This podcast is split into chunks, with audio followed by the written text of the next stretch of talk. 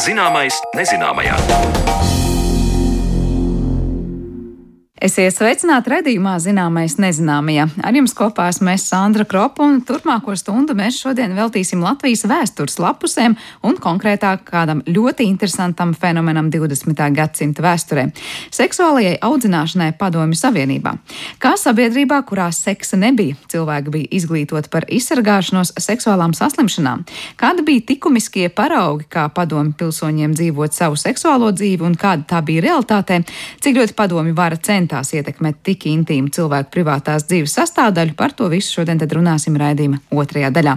Bet līdz tam iepazīsim libido un skaidrosim zināmo un nezināmo par cilvēka seksuālo dziņu.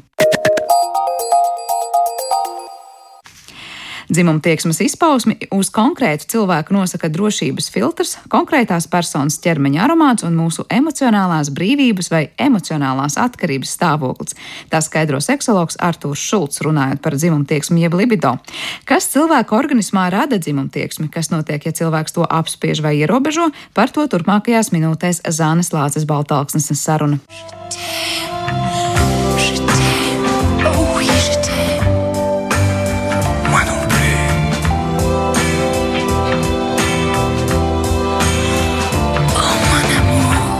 Dzimumdziņa, seksuālā tieksme jeb libido piemīt katram cilvēkam. Vienam šī dzimuma tieksme mēdz būt aktīvāka, citam atkal nē. Un šīs seksuālās vēlmes mūsu organismā rada vairāki faktori - bioloģiskie, psiholoģiskie un sociālie. Bet iedīgļi seksuālai tieksmei jau veidojas auglim esot mātes miesās seksualitātes pamati tiek ielikti jau grūtniecības laikā, kad notiek dzimuma diferenciācija, kad veidojas viņa hormonālā sistēma, veidojas viņa orgānu sistēma. Tad jau pamats tiek veidots arī kāda būs viņa seksuālā dzīve pēc piedzimšanas. Tā saka pārmaiņu treneris un seksologs Artūrs Šulcs. Un turpmākajās minūtēs uzzināsim, kāpēc šī seksuālā dziņa nevēršas uz katru kaut cik tīkamu pretīmnācēju, kāda nozīme ir cilvēka ķermeņa aromātam un kas notiek, ja apspiež dzimumu tieksmi. Bet vispirms ieskats faktoros, kas mūsos izraisa minēto seksuālo tieksmi. Cilvēka seksualitāti nosaka ne tikai eh, medicīnas, bioloģiskie faktori, kā tas varētu sākumā likties. Tad, būtu ārkārtīgi vienkārši. Mēs atrastu pareizo hormonu, tur viņi iedot eh, noteikti daudzumā, un tad cilvēks kļūtu laimīgs seksuālā ziņā. Cilvēka seksualitāti veido daudz faktoru sistēmu, kuru nosaka gan viņa psiholoģiskais stāvoklis, ko veido viņa ģimene, iepriekšējās pieredzes, kas ir bijušas vai nav bijušas, veido sociālie faktori, tad tā, tā ir eh, viņa izglītība veselība, ēdināšana, attīstības procesi, kādā sabiedrībā viņš dzīvo, kādas tur ir normas vai aizliegumi, tabū pieņēmumi par seksualitāti un veido eh, socioseksuāli faktori, ko viņš ir iemācījies eh, dzīves laikā. Tad tā ir seksualitātes izglītība, tā ir eh, arī pieredzes, ko viņš gūst saskarsmē ar citiem cilvēkiem, tā ir komunikācija pašam ar sevi, ar savu ķermeņa pieņēmumu, tā ir masmēdija ietekme Visi šie faktori, daudzie faktori, viņus var sakārtot dažādā secībā, bet medicīniski, bioloģiski ir tikai viens no faktoriem, kas nosaka cilvēka seksualitāti, viņa seksuālās dziņas.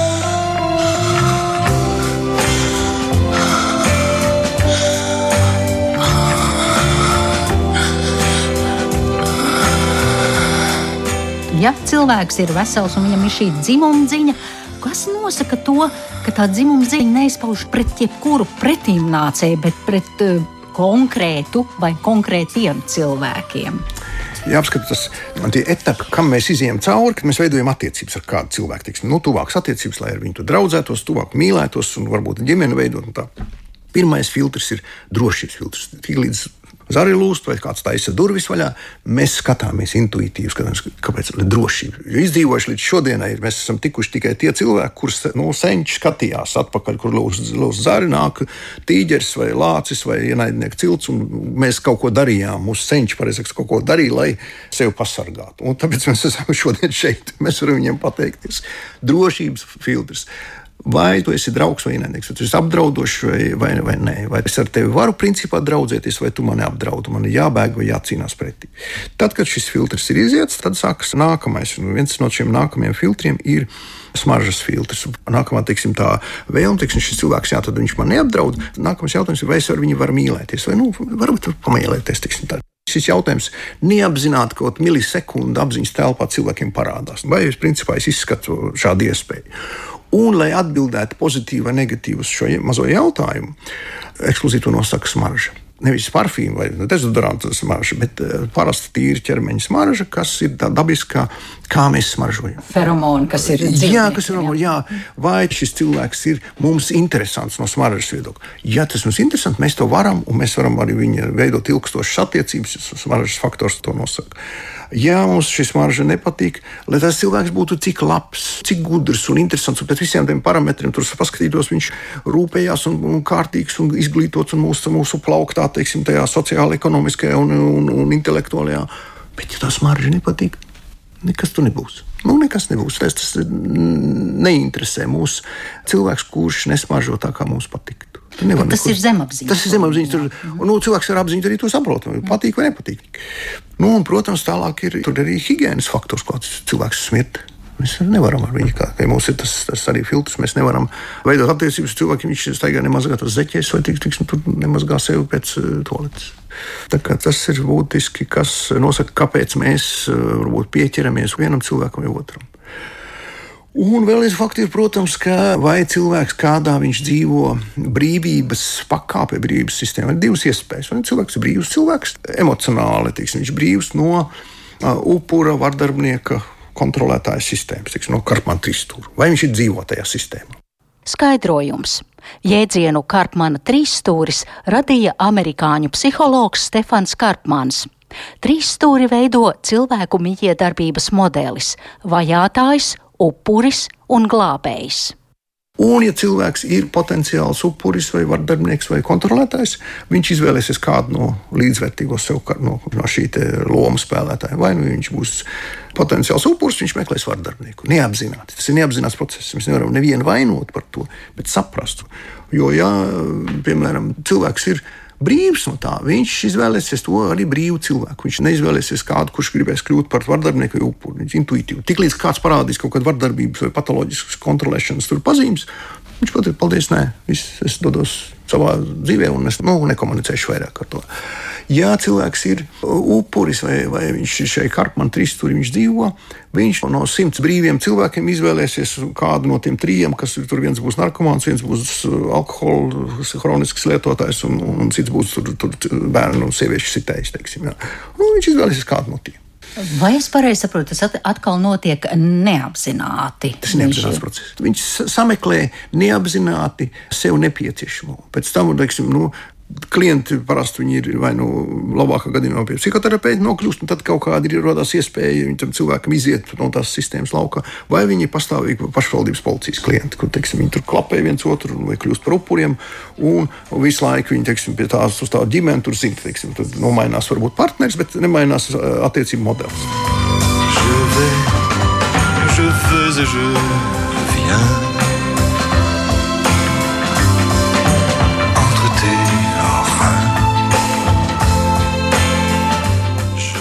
Bet, eh, kā mēs zinām, ja mēs runājam atkal par dzimumu ziņu, nu nav tā, ka blaumaņu vārdiem runājot, visi pasaulē pāri ir kas dabonas. Jā. Un kas notiek tajā gadījumā, ja cilvēks saprot, ka viņš nevar to otru pusi, vai tie citi, vai citas viņam neatbild, un viņš to dzimumu tieksmi vai apspiež, vai, piemēram, pārvērš, sublimē, metas iekšā, vai darbā, vai mācībās, vai kaut kur citur. Kas notiek ar šo personu?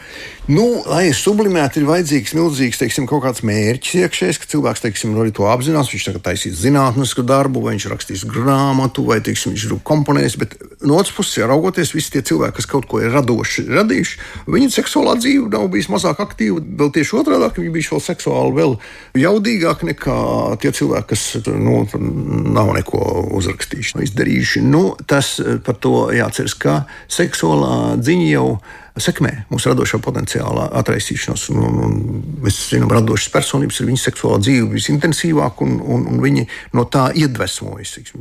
Producenti, aktieri, vienalga, sievietes, vīrieši, tas seksualitāte iedvesmo cilvēkus būt aktīviem. Kas notiek, ja cilvēks apspiež? Nu, tad ir vairāki varianti. Tātad individuālā līmenī tas izpaudīsies kā vardarbība, kā individuāla vardarbība, vai nu pret sevi. Tad būs psihosomātiskas saslimšanas pašam, vai tā būs kaut kā apzināta vai neapzināta pašnāvības riski palielinās vai cilvēks būs agresīvs pret citiem. Tiksim, ja tas ir masveidā, tad gaidiet revolūcijas vai karus. Hitlera otrais pasaules karš tika izveidots.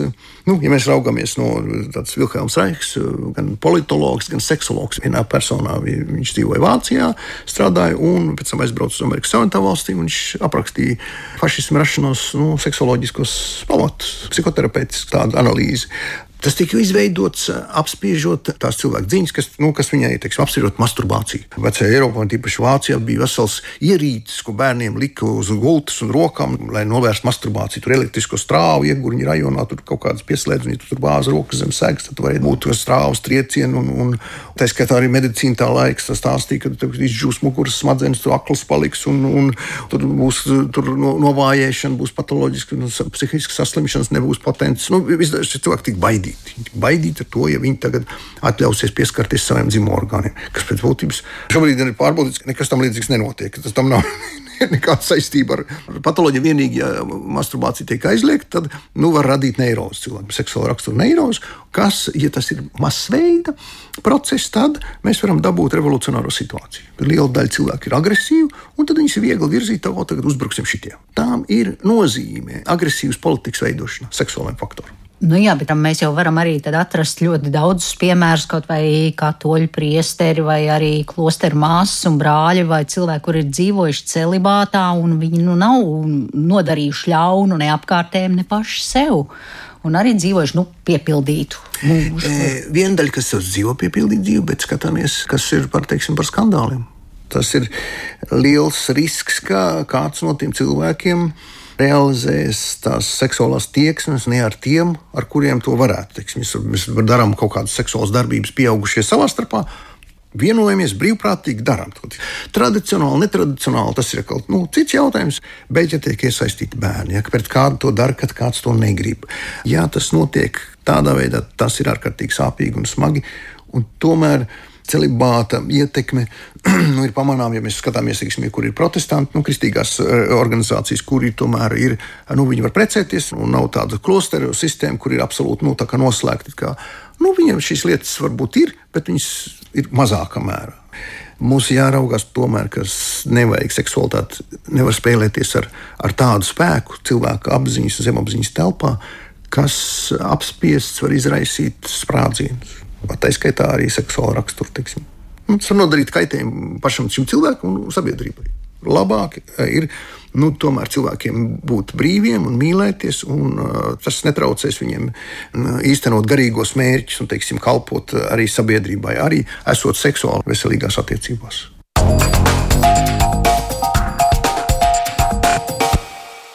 Tik tālu par libido un to, kas ietekmē cilvēku seksuālo enerģiju dzīves laikā, bet raidījuma turpinājumā pievēršamies intīmās dzīves un seksuālās veselības jautājumiem padomju periodā.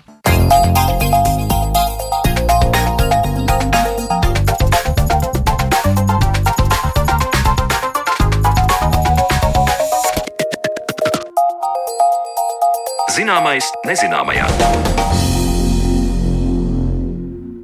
Psihoterapeita Jāņa Zālīša mīlestības vārdā bija grāmata, kas visticamāk atrada savu vietu teju katra padomju Latvijas pilsoņu grāmatu plauktā. Ievākot ar avīzēm, lai nav uzkrītoši, tā lieliski simbolizē tā laika attieksmi pret cilvēku seksualitāti. Tā nekur nebija pazudusi, bet par to nerunāja. Kāda bija sociālā kontrola un seksuāla audzināšana padomju savienībā? Kā cilvēki izglītojās par šiem jautājumiem? Par to visu šodien uz sarunu esam aicinājuši vēsturnieci Inetu Lipšu. Labdien! Labdien! Es saprotu, ka ir, es nezinu, vai pētījums vai grāmata, kas ir veltīta seksualitātes jautājumiem Padomju Savienībā. Kas īsti līdz šim ir izpētīts vai uzrakstīts? Vēl nav, monogrāfijas vēl nav, bet es jau esmu pētījusi, jo pateicoties valsts kultūra kapitāla jaunradas stipendijai, es pagājušā gadā uzrakstīju, kā saka, melnrakstu grāmatai, pie kuras, nu, kā jau mums e, e, zinātnē, e, zinātnē tas ir normāli, ka tu uzraksti to pirmo variantu, un tad tu sāc vētīt un, un, un salīdzināt un tam līdzīgi. Un šogad es tam neesmu pieķērsies, bet nākamgad noteikti strādāšu pie šīs grāmatas un cerams, ka, nu, iespējams, ka nākamgad arī varētu, varētu tā iznākt. Un, un grāmatas nosaukums kā reiz tāds provizoriskais variants, kā reiz apmēram tāds ir seksualitāte un sociālā kontrole padomi Latvijā. Bet kas bija tās apjoms, ko pētīt, eh, lai, lai par to visu runātu? Vai tad prātā nāk kaut kādi tā laikā avīžu, es nezinu, fragmenti, kuros cilvēki uzdod dažādus jautājumus, un mēs varam saprast, ka tā tad nu, nebija skaidrs, kur gūt informāciju, vai tā bija ierobežot, vai tās ir konkrētas grāmatas, kas bija to laiku, vai žurnāli, vai tā ir saruna ar cilvēkiem un atmiņu kaut kādi stāsti. Kas bija tas apjoms, no kurienes izdevās tos secinājumus gūt? Apjoms jau, nu, e, e, kā, kā jau klasiski vēsturniekam, vien, viena dokumentu daļa ir tā, kas glabājas arhīvā, kur ir dažādi institūciju dokumenti, piemēram, e, padomu Latvijas veselības aizsardzības ministrijas dokumenti, dažādu mediķu profesionāļu, tāpat arī partijas, centra, komunistiskās partijas centrāla komitejas dažādi dokumenti un, un var sakot, dažādu institūciju, piemēram, biedrības zinātne, kas nodarbojās ar dažādu jautājumu popularizēšanu tā laika Latvijas sabiedrībā. E, tā ir viena daļa, tā tad arhīva dokumenti, un otra daļa, kā jau jūs minējāt, ir um, tā laikā masu informācijas līdzekļi, kā toreiz to teica. Pārsvarā tā ir uh, drukātā prese un, protams, arī grāmatas. Un, un šeit, ja mēs e, skatāmies, tad e, mēs principā varam sākt runāt par tādu sabiedrības apzinātu izglītošanu, sākot no 58. gada, 1958. gada, jo šis, šajā gadā palaiž veselības aizsardzības ministrija, palaiž žurnālu veselība kas īstenībā, nu, protams, ka es eh, skatīju cauri eh, visus numurus un, un biju ārkārtīgi zināmā, pat, nu, pat ārkārtīgi, ne tikai zināmā mērā pārsteigta, jo nu, tieši no tāda viedokļa skatoties, eh, ko tad viņi rakstīja toreiz par seksuālo audzināšanu, protams, ka uzreiz mums ir jāatrunā, ka tāda seksuālā audzināšana mūsdienas izpratnē, nu, toreiz tādus iedzienus nelietoja, toreiz vairāk runāja par dzimumu audzināšanu un par to saucamo fizisko mīlu un, un, un, un un, un tam līdzīgiem efēmismiem. Bet pārsteigums bija tāds, ka jau no paša sākuma, piemēram, jau 60. gadā, e, Protams, kā šajā žurnālā pārsvarā e, publicējās un, un, un redaktori piesaistīja. Redaktors bija Viktors Kalnbērs, e, pazīstamais ķirurgs. Viņi piesaistīja profesionāļus, tātad ārstus, kas strādāja Latvijā un arī tulkoja nu, padomu Krievijas profesionāļu publikācijas. Nu, un tad 60. gadā man par pārsteigumu jau nu, ir pirmais tāds izsmeļoši raksti par to, kāda kontracepcija ir šobrīd pieejama. Un, protams, kā tas tas, e, tā motivācija, kas e, aiz šiem rakstiem stāv, protams, ir tāda, lai novērstu abortu izplatīšanos, e, respektīvi, lai samazinātu abortu skaitu, un, protams, ka tas ir saistīts ar šo te uz ģimeni vērsto politiku. Un, un, un, un, un tam līdzīgi. Un, un tā kā uzreiz jau mēs varam teikt, ka tajā pagātnē, padomju pagātnē, E, var iedalīt e, tos faktiski divus posmus, kas ir staļinisms vēl, un pēc Staļina nāves, kad e, jau vēlāk, pēc 56. gada, pēc 20. kongresa un, un, un 50. gada beigās jau principā jau diezgan atklāti, nu, kā liecina šis žurnālā, žurnāla izdošana, cilvēki sāk runāt. Bet vai tas, ka bija šāds žurnāls, tas bija pieejams nu, tādam plašam cilvēku klāstam, jo es savukārt gatavojoties šim raidījumam, palasīju dažus rakstus, kur savukārt ir citēti avīžu, dažādi izgriezumi un, un uh, lasītāju vēstules, un tur bija padomju jaunatnes šķiet, ka citāts kur jauniete tieši raksta, ka patiesībā neko nevar uzzināt par kontracepciju un par seksuālo vispār audzināšanu un veselību, ka var just, ka tā laika cilvēkiem nu, nav sajūtas, kur to informāciju meklēt. Un tur bija sūdzības par to, ka īstenībā gribas prasīt skolotājiem skolā, bet saņems norādījumus, ka labāk mācīties nevis par seksu domāt un tā tālāk. Kuro, un tas, liekas, bija krietni vēlākos gados, nevis 60. Mm -hmm. Cik ļoti tas, ko jūs tikko stāstījāt par tiem 60 gadiem, bija tā oficiāli rakstīts un kaut kur nolikts, bet ne masām pieejams? Es neteiktu. E, katrā gadījumā, jebkā, jebkurā situācijā jāskatās, ko tas cilvēks ir lasījis. Jo, ja mēs, piemēram, paņemam un, un daudzās ģimenēs abonēju žurnālu veselību, un, un ja iepriekšējie gadi glabājās, tad e, informācija bija pieejama tādā ziņā, nu, piemēram, ja 60 mm, Otrā gadā šķiet veselība žurnāls, tātad latviešu valodā iznāca 100 tūkstoši tirāžā, tad 70. gadu sākumā ir 180 tūkstoši tirāžā. Un e, tātad žurnāls ir tas, ko tu vari nopirkt kioskā un ko tu vari abonēt. Un, piemēram, ja pat ja bibliotekās, kā mēs e, pēc pieredzes zinām, e, padomju laikā šāda veida grāmatas bibliotekāri pat pēc savas iniciatīvas vienkārši nolika kaut kādā speciālā plauktā, un tu vari viņu dabūt tikai tad, ja tu saņem pēdējos spēkus un izdves, ka tev kaut ko vajag, vārdu sakot, konkrēti nosauc grāmatu, un, un, un tad tev viņu varbūt iznesa vai pierakstīja kādā garā rindā uz viņas. Tad e, žurnāls veselība faktiski varēja būt pieejams. Nu, kāpēc, kāpēc jaunietei tas, tas nebija toreiz pieejams, nu, nu, to man grūti teikt, bet ja mēs tā vispār mēģinam vispārināt, tad, un es pat nelasīju daudz to presi, es izskatīju žurnālu šo te veselību, un, un man jau radās priekšstats, ka ka, hm, ka principā man kā pētniekam par padomu periodu e, šajā seksualitātes vēstures aspektā ir, ir bijuši kaut kāda nezināšana vai stereotipiski pieņēmumi par to, ka informācijas nebija. Jo, piemēram, nu es varu nocitēt e, tātad 60. gadu vidū veselība sāk, nu, ja, ja 60. gadu sākumā vēl pārsvarā ir padomju padomi autoru publikācijas tulkojumi, ja, tad 60. gadu vidū žurnāls veselības sāk tulkot un latviešu valodā laist turpinājumos dažādus e, poli, poļu un čehu psihoterapeitu, tā saucamo seksologu darbus, kas ir ļoti, kā saka, savam laikam advancēti. Piemēram, čehu Čeku seksoloģija, seksoloģijas vēsture ir šajā laikā ir raksturīga ar to, ka viņi ārkārtīgi viņiem rūp, teiksim, šī te sievietes orgasma problēma un tā tālāk. Un, un, un šāda tipa darbus e, tulkojumos un turpinājumos žurnāls veselība laiž. Un, teiksim, tam lasītājam, kurš regulāri lasīja šo žurnālu veselību, viņam, piemēram, 78. gadā e, veselībā, e, veselībā viens no tiem autoriem raksta, tātad viņiem sūta iedzīvotāju vēstules uz redakciju. Nu, un tad tad tagad viņi reaģē uz tām vēstulēm, un, un, un, un tas autors raksta, virziens uz jaunatnes apzinātu dzimumu audzināšanu ir sava veida uzskatu revolūcija, un kā parasts šādu pavērsienu brīžos nāks sastapties ar zināmas sabiedrības daļas aizspriedumiem un neizpratni. Pārsteidzīgu vērtējumu, ka raksti par seksuāliem jautājumiem sludina e, pēdiņās sunisku morāli, lasām pilsoņa JS vēstulē. Īstenībā ir gluži pretēji. Visās mūsu publikācijās uzsvērta tikuma un morāls ieaudzināšanas lielā loma seksuālajās attiecībās. Kazimira Imeļinska darbā, tas ir poļu seksologs, ko viņi ir e, faktiski divus gadus katrā numurā turpinājumā ir um, palaiduši grāmatu. Jā, viņi, viņi pat publicējuši. grāmatu publicē. E, dzimumdzīves psihohigiēna tieši šim aspektam bija veltīta vislielākā uzmanība.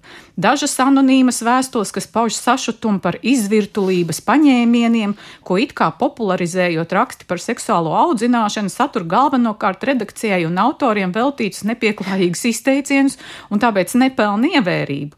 Taču lielumu lielai daļai lasītāju raksti izraisījuši dziļāku interesi un radījuši lielāku izpratni par seksuālās dzīves problēmām. Vai te var piekrist, līdzīgi kā tas redaktors ir atbildējis, ka tas bija tāds raksturojums tā laika vispār sabiedrībai? Nu, protams, ka mēs vēl parunāsim runāsim, no kurienes ir šis skaistais un slavenais teiciens, seksa padomju savienībā nav. Ja tas ir pat vispār 80. gados, vēl tika pateikt, pateikt frāze. Proti, no vienas puses, kā tad cilvēki uztver to, kā teikt, nu, režīmam nav un režīms liek teikt, ka nav, bet patiesībā cilvēki dzīvoja ļoti atvērtu dzīvi un par to runāja un, un nezinu, viens otram jautāja, vai tā tiešām bija tabū tēma, kuru nekustināja. Eh, ja mēs runājam par presi latviešu valodā, eh, sākot no 60. 60. gadiem, un īpaši par žurnālu veselību, tad ir jāsaka, ka prese par to ir runājusi. Un, un, un es tā mēģinu iedomāties, kāda tad ir tā atšķirība starp mūsdienām. Nu, protams, ka e, tik daudz, tā krasākā atšķirība ir tāda, ka viņi runāja tekstos bet tur nebija vizuālo materiālu. Tātad, un runa pārsvarā ir par drukāto presi. Televīzijā neko tādu nerādīja, un arī pat partijas centrāla komiteja nevarēja panākt 73. 4. gadā, kad Latvija bija pirmajā vietā venerisko slimību, kā saka, saslimstības ziņā, un ministru padome pieņēma lēmumu, kad drīkst izmantot masu informācijas līdzekļus šajā venerisko slimaņu, slimību apkarošanas kampaņā, tad televīzijas vadība pretojās tam. Viņi bija parādījuši divas filmas. Viņiem šķiet, ka tas ir kaut kas ārkārtīgi šausmīgs. Un, un, un, un viņi pretojās. Ja, tādā ziņā šī izglītošana, ja mēs to tā varam nosaukt, viņa bija faktiski tikai, tikai, tikai drukātajā presē un radio. Radio raidījumu bija diezgan daudz. Un, e, un, un tad vēl viņi izmantoja tādu tiešās komunikācijas veidu, kā dažādi speciālisti nu, braukāja pa Latviju ar dažādiem priekšlasījumiem, kuru ietveros arī rādīja tādas īsmetrāžas, zinātniskas filmiņas nu, par to, kas draud no veneriskām slimībām un tam līdzīgi. Tā kā, tā kā tādā ziņā e, mēs varam teikt, ka, ka tā informācija, protams, ka viņi runāja par to, bet, e, bet to nepavadīja šie te e, vizuālie, uzskatāmie, nu, visādi tēli. Un tā pati zālīša grāmata, par ko varbūt mēs vēlāk runāsim, 82. gadā otro papildināto izlai, izlai, izdevumu, viņi taču tieši tāpēc arī aizliedza, ka, ja pirmajā izdevumā bija tikai fotografijas, gleizdi Jāņa e, fotografijas, tad otro izdevumu papildināja mākslinieku ozoliņa zīmējumi ar šīm te e, pozām, tehniskajām pozām. Un tas bija tas, tas, ko, ko tā laika kompartijas centrāla komitejas otrais sekretārs, kas pēc tradīcijas bija Krievs, un kurš, protams, to tekstu nespēja izlasīt, bet viņš viņu to grāmatu pašķirstīja, un, viņš, un, un tieši viņš esot bijis tas, kurš teica, ka šī te ir jāņem ārā no no, no, no apgrozības, kā saka, jo viņi jau kā divas nedēļas jau bija aiz, palaista jau nu, gan tirzniecībā, gan nosūtīt dzimstrakstu nodaļām un tam līdzīgi. Tā kā, un pašā, pašā, nu, teiksim, pašā tajā arī avīzēs, ja mēs skatāmies padomu jaunatni, Rīgas balsi, tad 80. gadu sākumā E, tie žurnālisti, kas raksta par šīm tēmām, viņi saka, nu, ja pirms dažiem, pirms vairākiem gadiem vēl kādu mums būtu īpaši jāskaidro, kāpēc mēs runājam par kaut kādu seksuālo revolūciju vai kaut ko tam līdzīgu, tad tagad tas visiem ir sen saprotams un sen zināms. Tā kā, tā kā īs, e, iespējams, ka šī te atšķirīgā uztvere, kas saka, nu, ka daži cilvēki saka, ka toreiz neko nezināja un tam līdzīgi, ka tas ka to nosaka paudze, katra cilvēka vecums kaut kādā noteiktā, kaut kādā noteiktā brīdī. Un, protams, ka par to par to, ko, nu, ko jūs teicāt, ka e, visi zināja, bet nerunāja, vai kaut kāda tāda aizlieguma. Tad te, te ir interesanti, ka nu, pētnieki, seksualitātes vēstures pētnieki, kas konce, nu, cenšas konceptualizēt teiksim, e, to stāstu,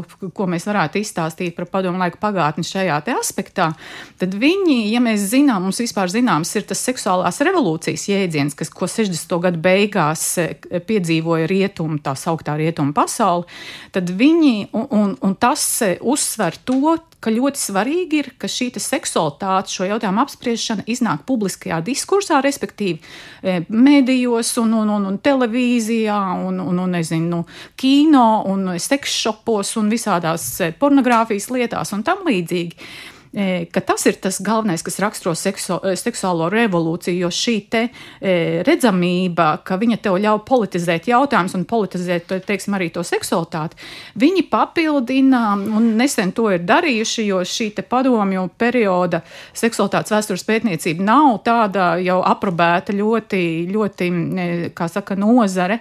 Viņi ievieš jēdzienu, lai raksturot to, kas notiek padomju savienībā, viņi saka, labāk runājam attiecībā uz padomju savienību Savienību un tātad padomu Latviju e, par intimitātes revolūciju. Jo seksuālā uzvedība mainās. Padomju, terito, padomju teritorijās viņa mainās šajā laikā, jau arī jau 60. Tad, tad pat, kad rietumos vienkārši tā notiek privātajā telpā. Tad netik redzama uz āru. Tas tā nav tā kā... tik redzama uz āru, jā, bet viņa notiek, un, jo galvenais jau pēc kā mēs mēram revolūciju, vai tā ir notikusi vai nav, vai tad cilvēkam tie uzvedības paradumi, vai viņi ir mainījušies. Tātad vai prakses ir mainījušās. Bet sanāk no iepriekš teiktā sarunas sākumā, ka no vienas puses tas, kas bija tas pirmais, liekas, pamudinājums sākt runāt, bija to abortu lielais skaits, pēc tam savukārt ir šīs veneriskās saslimšanas.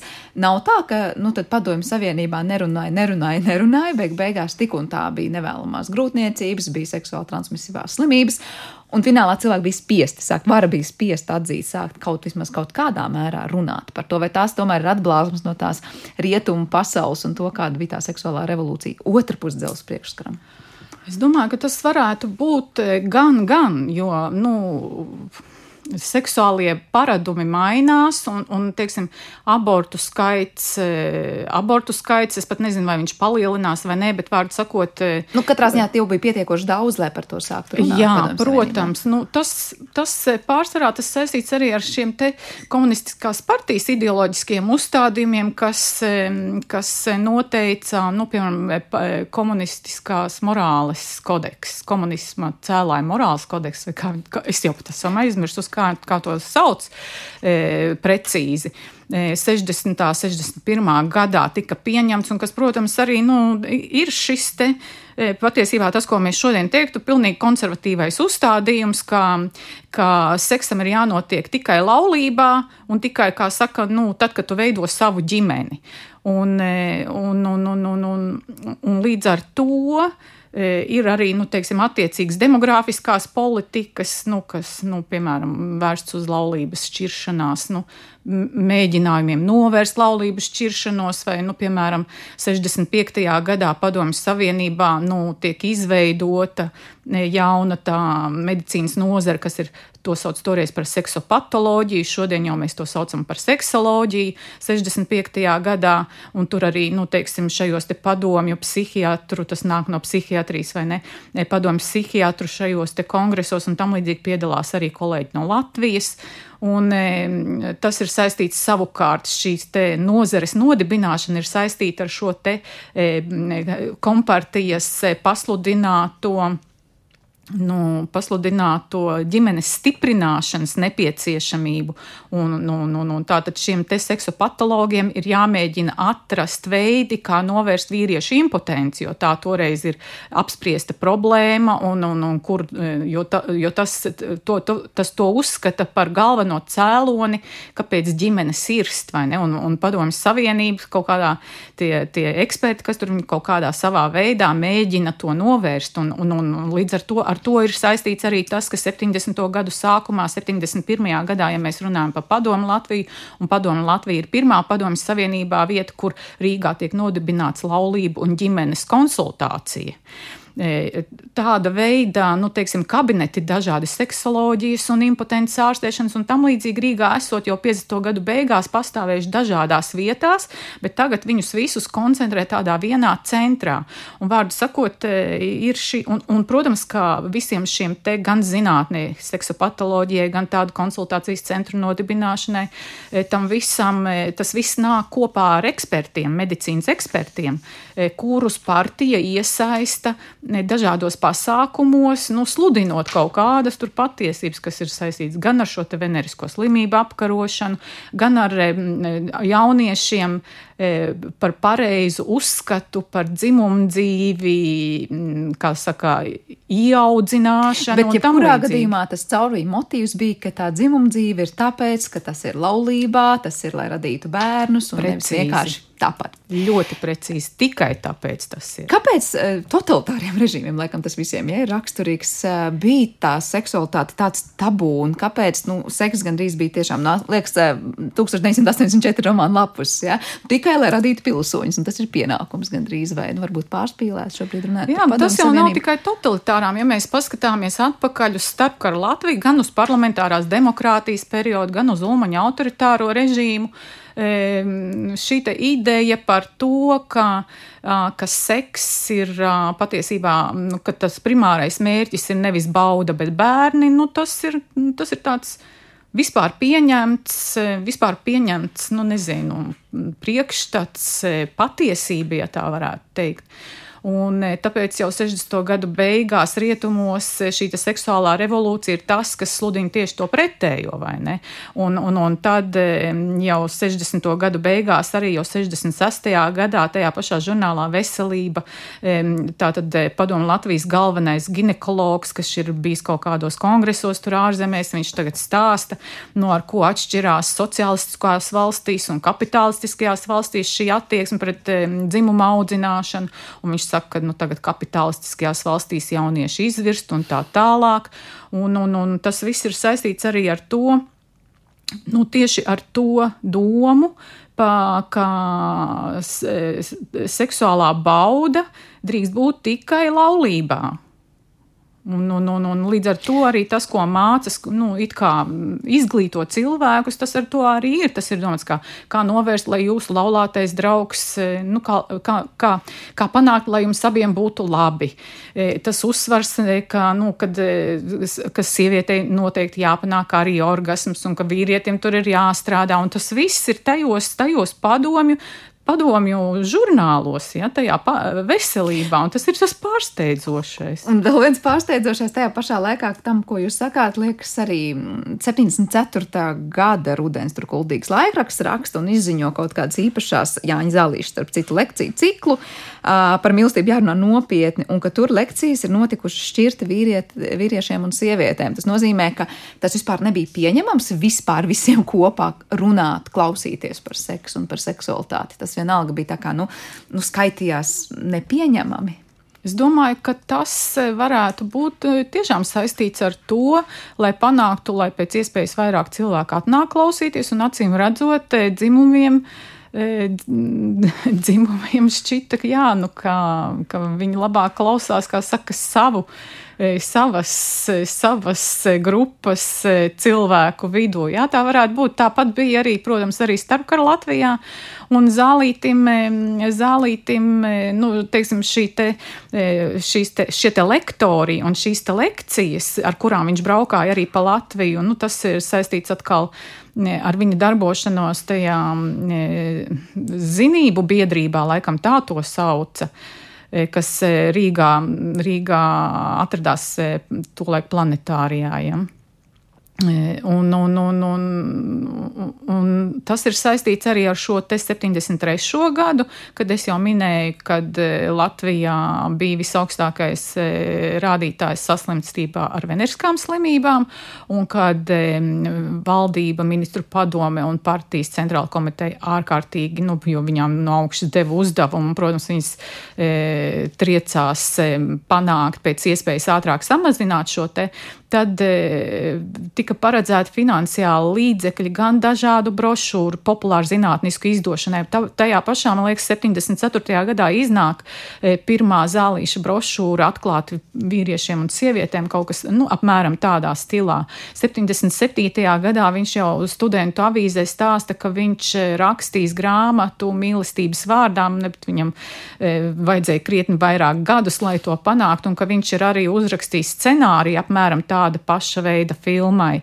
Un, e, tas nozīmē, ka 70. gadu jau pirmajā pusē e, nopietni līdzekļi tika novirzīti gan dažādu filmu ražošanai, e, gan, gan pārsvarā tās bija populāras zinātniskas brošūras. Nu, protams, ka 76. gadā, piemēram, iznāk arī, varētu teikt, tāda pirmā modernā latviešu valodā somu, somu seksologu grāmata atklāta par laulības dzīvi, kurā tiek runāts arī par homoseksualitāti. Un, e, vārdu sakot, 70. gadi, jau no 60. gadu beigām, e, šī te informācija dažādos, e, dažādos kanālos, pa dažādiem kanāliem, ja, kas ir ne tikai veselības žurnāls, un arī parastā prese, rādio un šie priekšlasījumi, kur, kur, kur speciālisti tieks ar, ar cilvēkiem. E, tie jau sagatavo to augsni, uz kuras e, varēja iznākt tā pirmā oriģinālā, pirmā oriģinālā e, latviešu pētnieka, nu, ja mēs esam Jānis Zālīts, oriģināla grāmata seksoloģijā, ja, un tā arī, tā arī iznāca. Tad... Tas ir tik tālu runāt par to, kāda informācija bija pieejama, kā par to runāja, bet tad atkal otrs aspekts, kas ir neatņemama padomju savienības laikam ikdienas sastāvdaļa, viss šī te, nu, vai vispār bija vieta intimitātei un seksualitātei. Es domāju, visi šie komunālie dzīvokļi, patiesībā daudzas ģimenes dalīja to savu visintīmāko telpu ar pilnīgi svešiem cilvēkiem. Kā tas gāja roku rokā ar to, kādā sistēmā šie cilvēki dzīvoja? Jā, protams, ka arī nu, teiksim, pētnieki arī tieši tā arī saka, ka ka šī te vispār e, seksualitātes e, diskurss, kā saka, vai nu, seksuālā intimitātes revolūcija, ka viņi varēja, e, varēja attīstīties, sākt attīstīties tikai arī jau nu, 60. gadu sākums, 50. gadu beigas ar šiem te daudz dzīvokļu māju celtniecību jauno, ja, un Hruščovs šo te mājokļu politiku, kas pamazām cilvēks apgādāja ar dzīvokļiem. Nu, un, protams, kamēr tas nenotika un, un daudz tik un tā bija spiesti dzīvot dažādos apstākļos, e, cilvēki toreiz ir izmantojuši ļoti daudz, piemēram, arī nu, vasarās e, šīs atklātās, e, atklātās publiskās vides, ja, nu, kas ir jūrmalā un, un, un, un mežos kaut kādos. Nu, jā, nu, neviens to nav pētījis. es domāju, vai to var izpētīt. Droši vien grūti izpētāms jautājums, bet noteikti fenomens, par kuru aizdomāties. Mūsu sarunai, diemžēl, ir jāliek gandrīz punkts, un es tikai vēl gribēju pavaicāt par šo slaveno frāzi, ka seksa padomju savienībā nav. Jūs minējāt gadu, kad tas 86. ir pateikts. Jā. Es saprotu, tas bija eh, televīzijas pārraides starp padomju savienības sievieti, kas to pateica, un savukārt ASV vēlē. Jā, jā, jā, tas bija tāds tele tilts, e, es tagad varu kļūdīties starp Maskavu un Bostonu laikam. Nu, Vārds sakot, Šķiet, starp Krieviju vai, vai, vai Pēterburgu, jā, nu, vārds sakot, starp vienu no Krievijas pilsētām un vienu no ASV pilsētām. Un, e, protams, kā tā frāze jau ir kļuvusi leģendāra, bet e, nu, pētnieki, kas skatās, kas tur reāli tika teikts, ne, ka pirmkārt jau, e, kad, kad, kad šī sieviete to teica Padomu Savienībā, seksa nav, viņa turpināja kaut ko un vienkārši auditorijā, auditorija uzsprāga smieklos un, un, un var sakot, to tālāko nav, nav, dzir, nav dzirdams, ko viņa saka, bet vēlāk jau šajos laikos jau žurnālisti viņu ir intervējuši.